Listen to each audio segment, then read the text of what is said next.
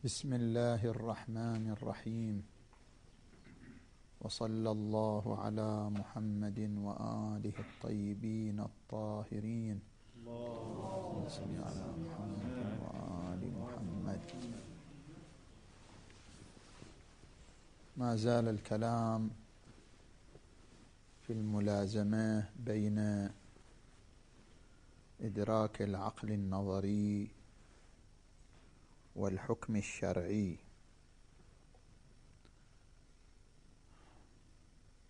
مثلا إذا أدرك العقل النظري على نحو الجازم أن في اختراع الإنسان لأي مخترع مناطا لثبوت حق له. في اختراعه. نسمى بحق البراءة.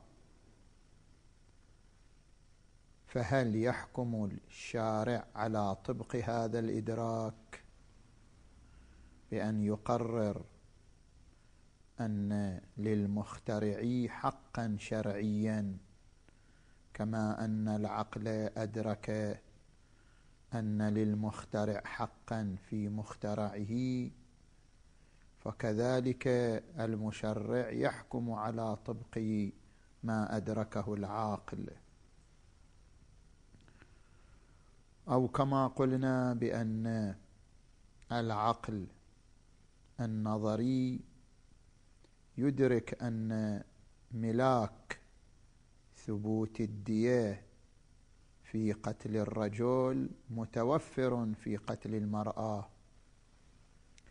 كما أن الأسرة إذا خسرت رجلان فإن من حقها أن تعوض عن هذه الخسارة بدية كاملة.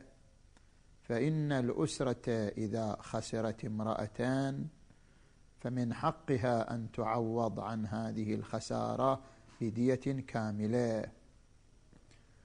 ولا فرق في ملاك ثبوت الحق بين كون المفقود رجلا أو امرأتان. إذا أدرك العقل النظري هذه القضايا فهل يحكم العقل العملي على طبقه أم لا؟ وذكرنا في الأسبوع الماضي أن هنا نظريتين. النظرية الأولى تعترف بهذه الملازمة وهي أنه إذا أدرك العقل النظري حقا أو حكما على نحو الجزم تثبت الملازمة بين حكمه وحكم الشارع. وذلك لما ذكره علماء الأصول في بحث حجية القاطع من أن حجية القاطع عقلية بمعنى أنه لا يمكن للمشرع أن يردع عن حجية القاطع أي لا يمكن للمشرع أن ينهى عن العمل بالقاطع. فلو أن الإنسان قطع بحكم شرعي نتيجة هذه الملازمة فلا يمكن للمشرع أن يردعه عما قطع به. مثلا في المقام إذا أدرك العقل أنه كما يقبح التدخين لكونه اتلافا للنفس أو ايقاعا بها للخطر أيضا يحرم التدخين شرعا. إذا قطع العقل بحرمة التدخين شرعا نتيجة إدراكه لملاك الحرمة وهو معرضية الخطر فحينئذ مع قطع العقل بأن التدخين حرام شرعا لا يمكن للمشرع أن ينهى عن العمل بهذا القاطع أن يردع عن العمل بالقاطع أي لا يمكن له أن يرفع حجية القاطع. وهذا هو معناه القول بالملازمة. العقل أدرك أن في التدخين ملاكا يقتضي الحرمة. أدرك أن في التدخين علة تامة لثبوت الحرمة شرعان فأدرك الحرمة شرعان على نحو الدليل اللمي. إذا أدرك العلة أدرك المعلول. إذا أدرك أن في التدخين مفسدة ملزمة تقتضي الحرمة وهي معرضية الخطر أدرك الحرمة قطعان فإذا أدرك الحرمة فلا مجال للمشرع أن يرفع هذه الحجية أي حجية حكم العقل بأن التدخين حرام شرعا نتيجة إدراكه لملاكه التام.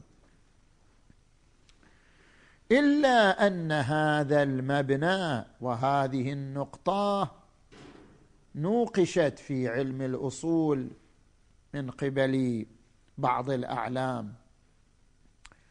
والوجه في ذلك أننا تارة نتحدث هل يمكن للمشرع أن يحكم على طبق ما حكم به العاقل على نحو القاطع؟ وتارة نتحدث أنه هل يمكن أن يحكم على خلافه أم لا؟ فنأتي إلى الجهة الأولى. إذا قطع العقل بحرمة التدخين شرعا لأنه أدرك ملاك الحرمة أو قطع العقل بأن للمخترع حقا شرعيا لأنه أدرك ملاك هذا الحق. هل من الضروري أن يحكم المشرع على طبقه أو يقول لا لعل العقل مخطئ لعل ما قطع به العقل جهل مركب. لا يمكن لا يجب أن يحكم المشرع على طبقه. هل يجب أن يحكم المشرع على طبقه أم لا؟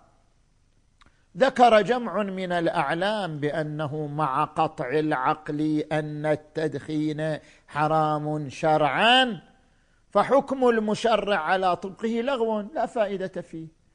لأن العقل إذا حكم أنه حرام شرعا كان حكم العقل كافيا في الزاجرية والرادعية عن تناول التدخين. فحكم المشرع على طبقه لغو لا محالة. ولكن والسيد الخوئي قدس سره ذهب إلى ذلك. ولذلك في بحث منجزية العلم الإجمالي قال بعد أن كان العلم الإجمالي منجزا عقلا فحكم الشارع بوجوب الاحتياط في مورد العلم الإجمالي لغو لا حاجة إليه. مثلا إذا علم المكلف أنه في يوم الجمعة إما تجب الظهر أو تجب الجمعة. ونتيجة لعلمه الإجمالي بأنه إما تجب الظهر تعيينا أو تجب الجمعة تعيينا يحكم العقل بمنجزية هذا العلم الإجمالي. ومقتضى منجزية هذا العلم الإجمالي أن يجمع المكلف بين الظهر وبين الجمعة. هنا لو أراد أن يحكم المشرع على طبق حكم العقل يقول السيد هذا لغو لأنه ما دامت المنجزية العقلية للعلم الإجمالي كافية في المحركية بأن يأتي بالظهر والجمعة فجعل وجوب الاحتياط شرعا في هذا المورد. يكون جعلا لغوان لا وجه له. المحركية العقلية كافية.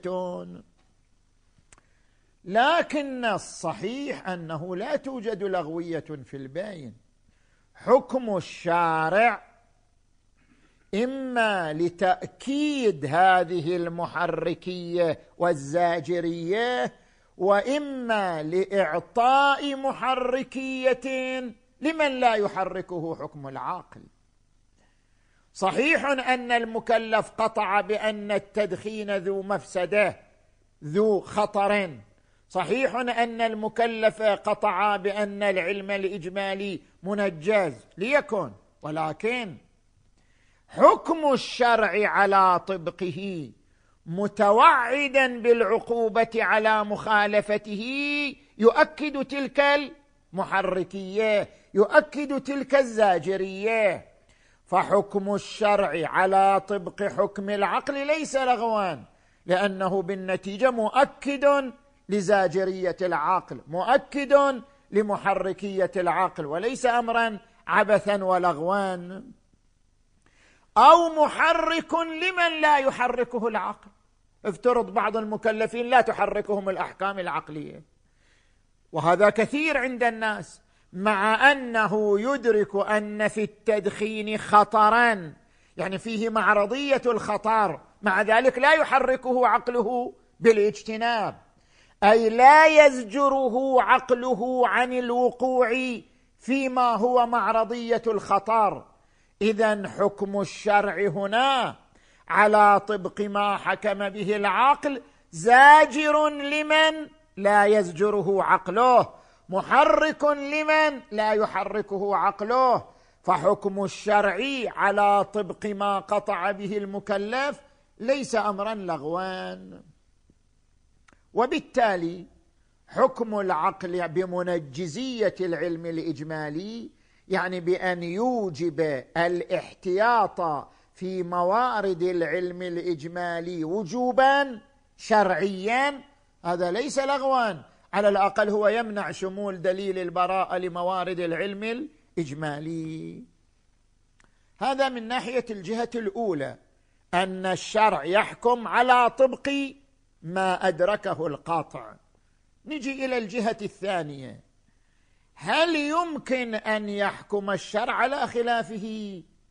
بأن يقول لا أنت وإن قطعت بالحكم الشرعي لكن أنا لا أرى قطعك حجة لا تعمل بقطعك. هنا يتصور فرضان الفرض الأول أن الشرع ينهى عن العمل بالطريق لأنه ينهى عن العمل بالقطع. افترضنا أن المكلف قطع بحرمة التدخين نتيجة رؤيا المنام نتيجة الاستخارة مثلا نتيجة علم الجفر والرمل مثلا. بأي طريق؟ المهم أنه قطع بحرمة التدخين شرعا عن طريق من الطرق. وهنا الشارع الشريف يقول له هذا الطريق لا تعمل به. لا تعمل برؤيا المنام لا تعمل بالاستخارة لا تعمل بالجفر والرمل في مجال استنباط الأحكام الشرعية. هذا أمر لا مانع منه لا أحد يقول بامتناعه. نهي عن العمل بالطريق. هذا ليس نهيا عن العمل بالقط هذا نهي عن العمل بالطريق. هذا الطريق عندي ليس بحجة هذا الطريق عندي ليس طريقا للواقع. هذا إلغاء لأمارية الطريق إلغاء لحجية الطريق. هذا أمر لا إشكال فيه. الفرض الثاني أن ينهى عن العمل بالقاطع. بمعنى أن المكلف بعد أن قطع بالحكم الشرعي استنادا إلى الاستخارة أو استنادا إلى قول الطبيب بأن في التدخين معرضية الخطر بعد أن قطع بالحكم الشرعي يقول له الشرع لا تعمل بقطعك هذا. هذا القطع لا تعمل به. يقول أنا قاطع بأنك حرمت التدخين. أنا قاطع بأن التدخين حرام. يقول لا أنت لا تعمل بقطعك هذا.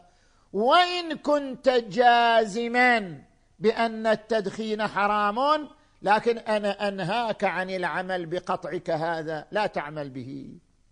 هل هذا ممكن أو غير ممكن؟ هنا أيضا لابد أن نفترض صورتين. الصورة الأولى أن المكلف قطع بحرمة التدخين شرعان فقط. وقف على هذا الحد. أنه يقطع بحرمة التدخين شرعا. وقف على هذا الحد. هنا هل يمكن للمشرع أن ينهاه عن العمل بقطعه أو لا؟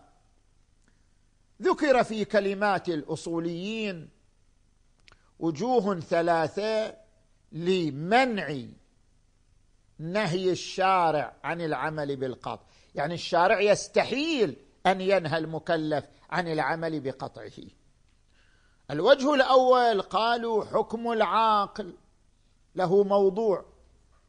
العقل حكم بضرورة اجتناب التدخين وموضوع هذا الحكم العقلي إدراكه أن التدخين حرام شرعا لأنه أدرك أن التدخين حرام شرعا حكم عقله بضرورة اجتنابه. هنا لا يمكن للمشرع أن ينهى إلا أن يزيل قطعه. يعني إلا أن يرفع حكم العقل برفع موضوعه بأن يزيل قطع المكلف. وهذا خارج عن محل بحثنا. محل بحثنا ما دام شنو؟ ما دام قاطعا. يعني ما دام واجدا للقاطع هل يمكن أن ينهاه المشرع عن العمل بقطعه أم أم لا؟ أما إذا أزال قطعه هذا مسألة أخرى هذا مسألة تكوينية. أزال قطعه تكوينا فزال حكم عقله لزوال موضوعه. الك... هذا هو المانع الأول. المانع الثاني ما ذكره السيد الخوئي قدس سره بأنه إذا قطع العقل بأن التدخين حرام فلو قال الشرع رخصت لك في أن تشرب التدخين. قل أنا قاطع بأنك تحرم التدخين. يقول لا أنا رخصت لك في شربه. رخصت لك في ترك متابعة القطع. يقول السيد الخوي هذا ترخيص في المعصية لأن القاطع يرى أن هذه معصية. هذا ترخيص في المعصية والترخيص في المعصية ترخيص في القبيح والترخيص في القبيح قبيح والقبيح لا يصدر من الحكيم. اذا من المستحيل أن ينهى المشرع عن العمل بالقاطع لأن نهيه عن العمل بالقطع ترخيص في المعصية وهو قبيح بنظر العاقل. ولكن هنا ملاحظة على هذا التوجيه. هي هذه الملاحظة أيضا ترد على المانع السابق وهي أنه لماذا يحكم العقل بضرورة اجتناب التدخين بعد إدراكه أن التدخين حرام؟ لماذا؟ إما لأنه يرى أن للمولى حق الطاعة أو من باب دفع الضرر المحتمل أحد الأمرين. إن كان من الباب الأول من النكتة الأولى العقل يقول أنا أدركت أن التدخين حرام وعقلي يحكم بضرورة اجتنابه. لماذا؟ لأن للمولى حق الطاعة. خب إذا كان صاحب هذا الحق المولى له حق الطاعة لكن صاحب هذا الحق وهو المولى قال أنا رخصت في أن لا تعمل بقطعك. أنا رخصت لك في شرب التدخين. صاحب الحق رفع يده عن العمل بحقه. فأي استحالة في ذلك؟ هذا ليس ترخيصا في المعصية. لا يصدق عليها حينئذ أنها معصية حتى يكون الترخيص ترخيصا في المعصية حتى يكون قبيحا. الشارع يقول أنت إنما يحكم عقلك بضرورة اجتناب التدخين لأن عقلك يحكم بأن لي حق الطاعة وأنا صاحب هذا الحق. أقول لك لا يجب إعمال حق الطاعة في هذا المورد. لا يجب. ولذلك التزم الفقهاء بأنه حتى الوسواسي منهي عن العمل بقطعه مع إنه قاطع. الوسواسي قاطع. بأن هذا حرام هذا حلال هذا نجس هذا مع ذلك يقول له الشارع لا تعمل بقطعك. يقول أنا قاطع بأنه نجس. يقول لا تعمل بقطعك. معنى لا تعمل بقطعك معناه أنك إنما يجب أن تجتنب هذا النجيس احتراما لي لأن لي أنا حق الطاعة. أنا رفعت يدي عن حقي في هذا المورد. فإذا رخص الشارع في عدم العمل بالقطع لم يكن ترخيصا قبيحا لأنه ليس ترخيصا في المعصية حتى يقال هذا ترخيص في القبيح إنما هو رفع لحق الطاعة الذي ثبت للمولى. وإذا كان المناط في وإذا كان المناط في لزوم الاجتناب هو دفع الضرر المحتمل. إنما يجب اجتناب التدخين دفعا للعقوبة المحتملة في الآخرة. فإذا رخص الشارع وقال اشرب التدخين عادي عندي. لا تعمل بقطعك عادي عندي. اذا قطعنا بعدم العقوبة. إنما تكون العقوبة محتملة فرع عدم ترخيص الشارع. فإذا رخص الشارع في ترك العمل بالقاطع لم تكن العقوبة محتملة حتى يكون احتمال العقوبة محركا أو زاجرا. اذا هذا المانع الثاني أيضا ليس تاما.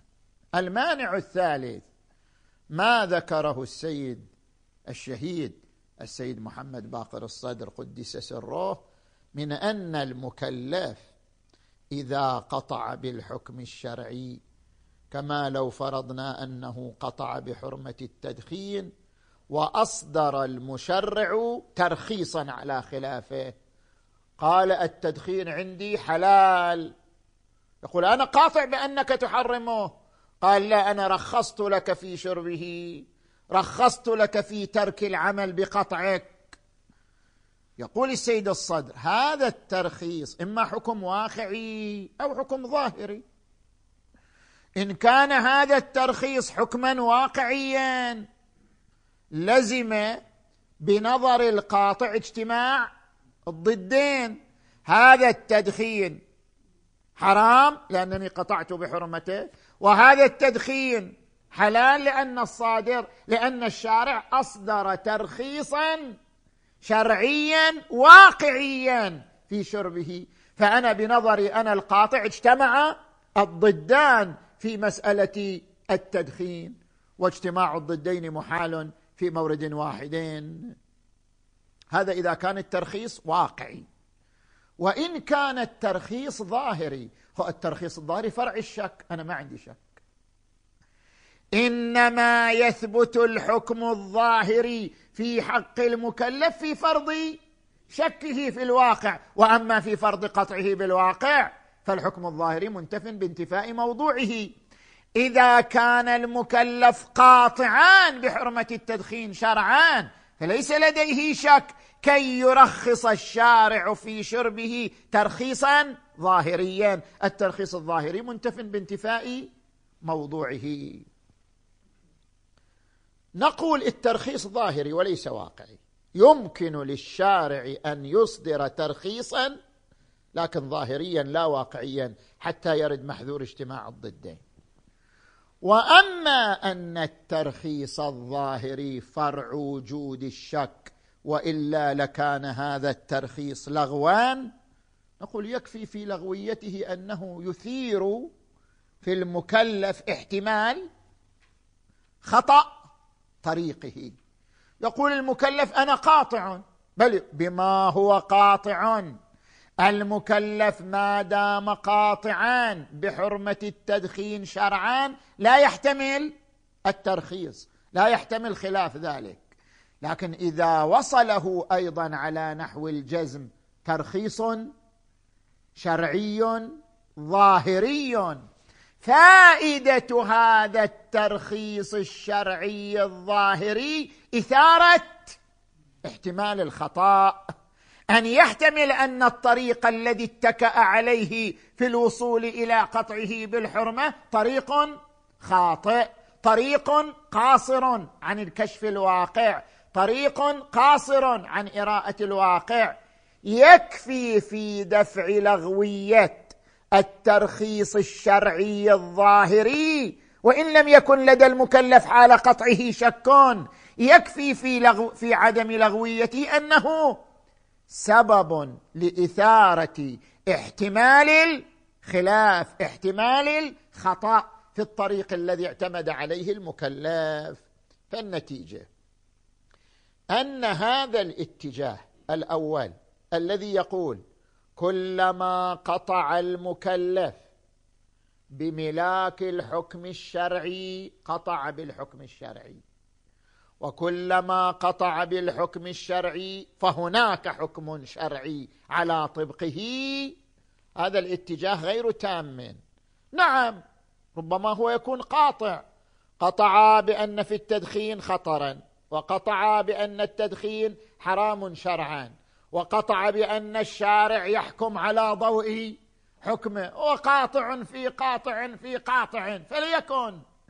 غايته أن هذه الملازمة اعتقادية وليست ملازمة واقعية. يعني هو معتقد بالملازمة بين حكمه وحكم الشرع. أما أن هناك ملازمة واقعية كما هو يعتقد فلا. فالملازمة في المقام اعتقادية لا أن الملازمة واقعية ثبوتية. نأتي إلى الاتجاه الثاني.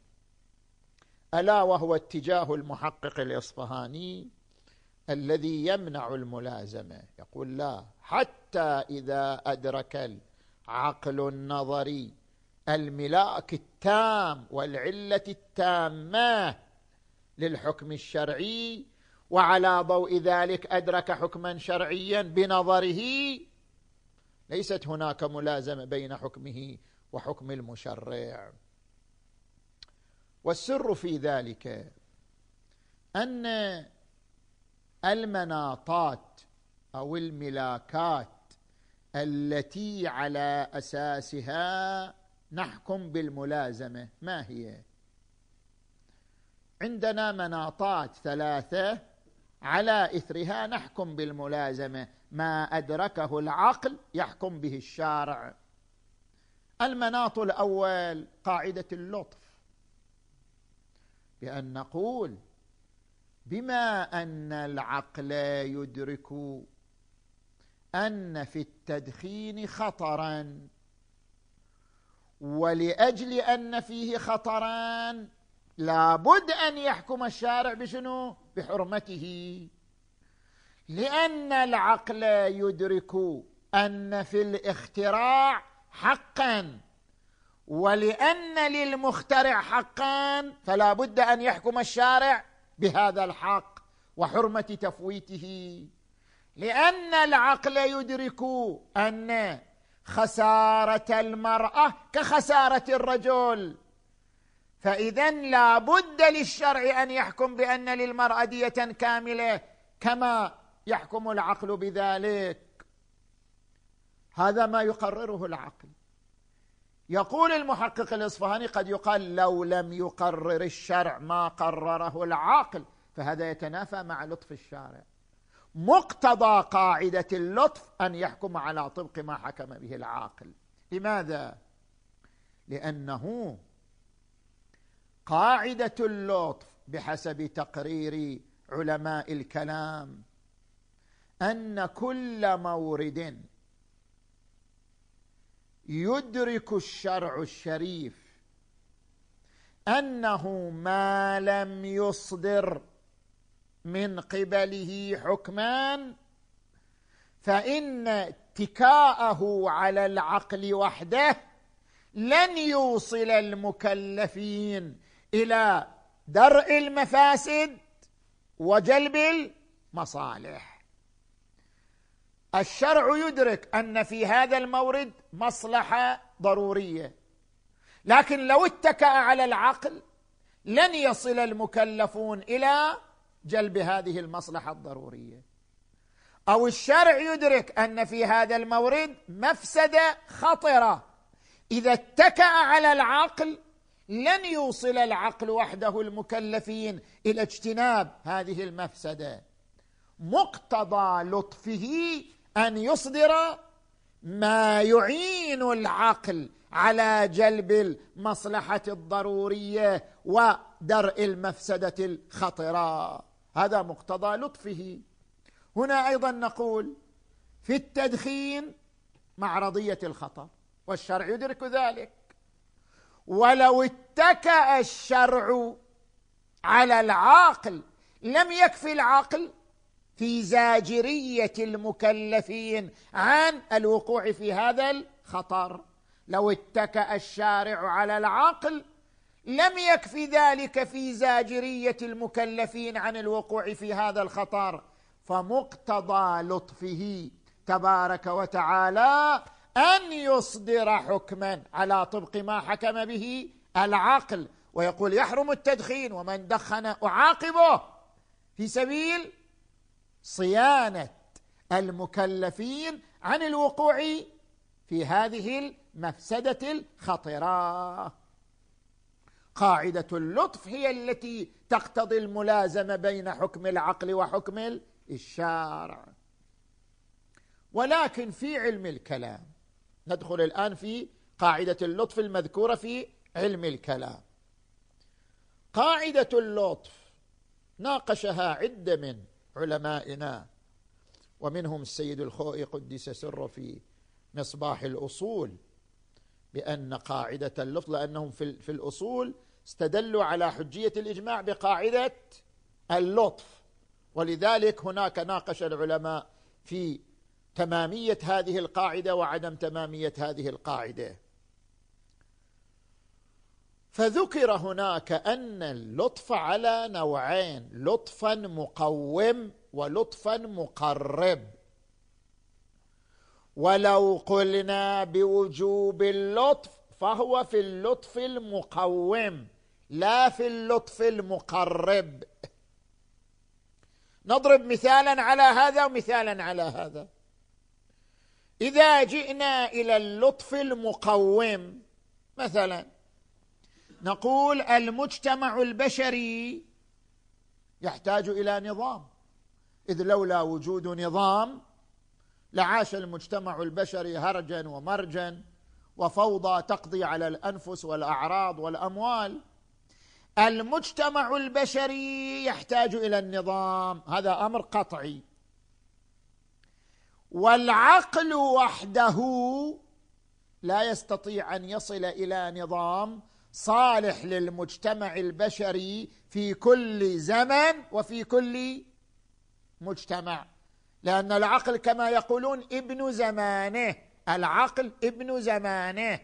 يعني العقل مهما بلغ من النبوغ فإنه إنما يدرك المصالح والمفاسد التي توجب تشريع النظام بحدود زمانه بحدود مجتمعه. العقل هذا العقل محدود. فالعقل وحده لا يستطيع أن يصل إلى نظام عام لكل الأزمنة لكل المجتمعات. العقل محدود. اذا المشرع تبارك وتعالى يرى أن البشرية تحتاج إلى النظام ويرى أن الاتكاء على العقل لا يمكن أن يوصل إلى هذا النظام. اذا مقتضى علمه بحاجة المجتمع البشري إلى النظام وعدم ال... وعدم صحة الاتكاء على العقل أن ينزل نظاما من السماء. مقتضى علمه أن ينزل نظاما من السماء. لأنه لو لم ينزل فعدم إنزاله للنظام إما لجهله إما لعجزه إما لعدم حكمته. والمنافذ الثلاثة منتفية. أما جهله فهو محال لأنه العلم عين ذاته. أما عجزه فهو محال لأن قدر عين ذاته. أما عدم حكمته فهو منفي بأن ذاته عين الكمال ومقتضى الكمال أن يكون حكيما. اذا مقتضى علمه بحاجة البشرية إلى النظام وعدم صحة الاتكاء على حكم العقل. وقدرته على تلبية هذه الحاجة وحكمته التي تقتضي وضع الشيء في موضعه مقتضى علمه وقدرته وحكمته أن ينزل هذا النظام. هذا معنى قاعدة اللطف. قاعدة اللطف الواجب المسمى باللطف المقوم هو ما يرجع إلى العلم والقدرة والحكمة. هذا يعبر عنه باللطف المقوم هذا لا بد منه. أما إذا جئنا لمثال للطف المقرب لا المقوم. نقول بأنه نعم مقتضى اللطف المقوم أن ينزل نظاما وأن يبعث أنبياء ورسل وحجج لتبليغ هذا النظام. لكن هل يعتبر في هذا النبي أو هذا الإمام أو هذا الحجة أن يشتمل على صفات جذابة؟ كأن يكون من أجمل الناس وأطيب الناس رائحه وأحسن الناس أسلوبا في الكلام و و والى آخره. يعني أن يجعل فيه كل الخصائص الجذابة بحيث يقرب الناس إلى طاعة الله ويبعدهم عن معصيته. يكون أرسخ في تبليغ النظام الصادر من السماء لأنه إذا امتلك هذه الخصائص الجذابة كان أقوى على إيصال النظام إلى نفوس الناس. هل هذا لطف واجب؟ هل هذا لطف مقوم؟ يقولون لا هذا لطف مقرب وليس مقوما. هذا ليس أمرا حتميا. بمعناه ما دام يكفي في إيصال النظام إلى نوع الناس. هو مو لازم أن يوصل النظام إلى كل أحد أحد. إلى نوع البشرية. ما دام يكفي في إيصال النظام إلى المجتمع البشري نوعان نتكلم نوعان. هو أن يمتلك القدرة على الإيصال. ولو لم يكن أجمل الناس ولا أفضل الناس اسلوبا ولا أطيب الناس رائحه. بل افترضنا أنه مثل أي بشر عادي في شكله في أسلوبه في خصائص جسمه في أي شيء آخر. الغرض الإلهي متحقق. نعم لو ملك الخصائص الجذابة لكان أكمل لكن لو لم يمتلكها العقل يقول لا يجب حصولها. فاللطف في هذا المورد لطف مقرب وليس لطفا مقوم. بما أنه لطف مقرب وليس لطفا مقوما لا يجب على الله تبارك وتعالى أن يتعامل به مع عباده. لذلك في مسألة حجية الإجماع قالوا هكذا. قالوا بأنه إذا أجمع الفقهاء على حكم مقتضى اللطف أن يكون الإمام معهم. لأنه لو لم يكن معهم لكان الفقهاء قد أجمعوا على حكم مخالف للواقع. فمن أجل أن لا تطبق كلمة المسلمين على حكم مخالف للواقع أو تطبق كلمة الإمامية على حكم مخالف للواقع مقتضى اللطف أن يدخل الإمام مع المجمعين. فمتى ما أجمع علماء المسلمين أو علماء الإمامية على حكم نقطع بأن الإمام منهم؟ لأنه لا يمكن أن يراهم مجمعين على حكم ولا يردعهم عن ذلك إذا كان هذا الحكم مخالفا للواقع. لماذا لا يمكن؟ لأنه خلاف لطفه. نقول هذا اللطف لطف مقرب وليس لطفا مقوما. خير إن شاء الله. أجمع المسلمون كافة عامة على حكم مخالف للواقع. هل هي المفسدة الوحيدة التي وقع فيها المسلمون؟ كثير من المفاسد يقع فيها المسلمون إلى يوم القيامة. وقوعهم في المفسدة في هذا المورد لا يشكل مشكلة ما دامت ضروريات الدين ومسلماته وضروريات المذهب ومسلماته شنو؟ قائمة. ضروريات المذهب ومسلماته قائمة. اخطا أخطأت الإمامية في الحكم الكذائي. فليكن. لا يجب على الإمام يعني ليس لطفا مقومان. وقوعهم في المفسدة لا يشكل خطرا على إيمانهم ودينهم في هذا المورد حتى يقتضي بلطفه أن يردعهم. هذا من موارد اللطف المقرب لا من موارد اللطف المقوم. في محل كلامنا نعود إلى المسألة وهي إذا قطع العقل بحرمة التدخين نتيجة لقطعه بملاك الحرمة حيث أدرك أن في التدخين خطرا والخطر يقتضي تحريم الشرع اذا العقل أدرك على نحو القطع الحرمة. هنا الشرع أيضا يدرك أن في التدخين خطرا. ويدرك أنه لو لم يصدر حرمتان مع الوعيد بالعقوبة فإن العقل لا يكفي وحده في اجتناب هذه المفسدة. ولذلك أكثر الناس يدخن عناد يعني. تقول له حرام يزيد يعني. زين؟ فاذا الشرع يدرك أن في التدخين مفسدة خطرة ويدرك أن الاتكاء على العقل وحده لا يكفي في اجتناب هذه المفسدة. فحينئذ من لطفه أن يصدر حكما على طبق حكم العقل. نقول صحيح هذا من لطفه بلا كلام. لكن هل هو لطف؟ مقوم واجب عليه أو لطف؟ مقرب.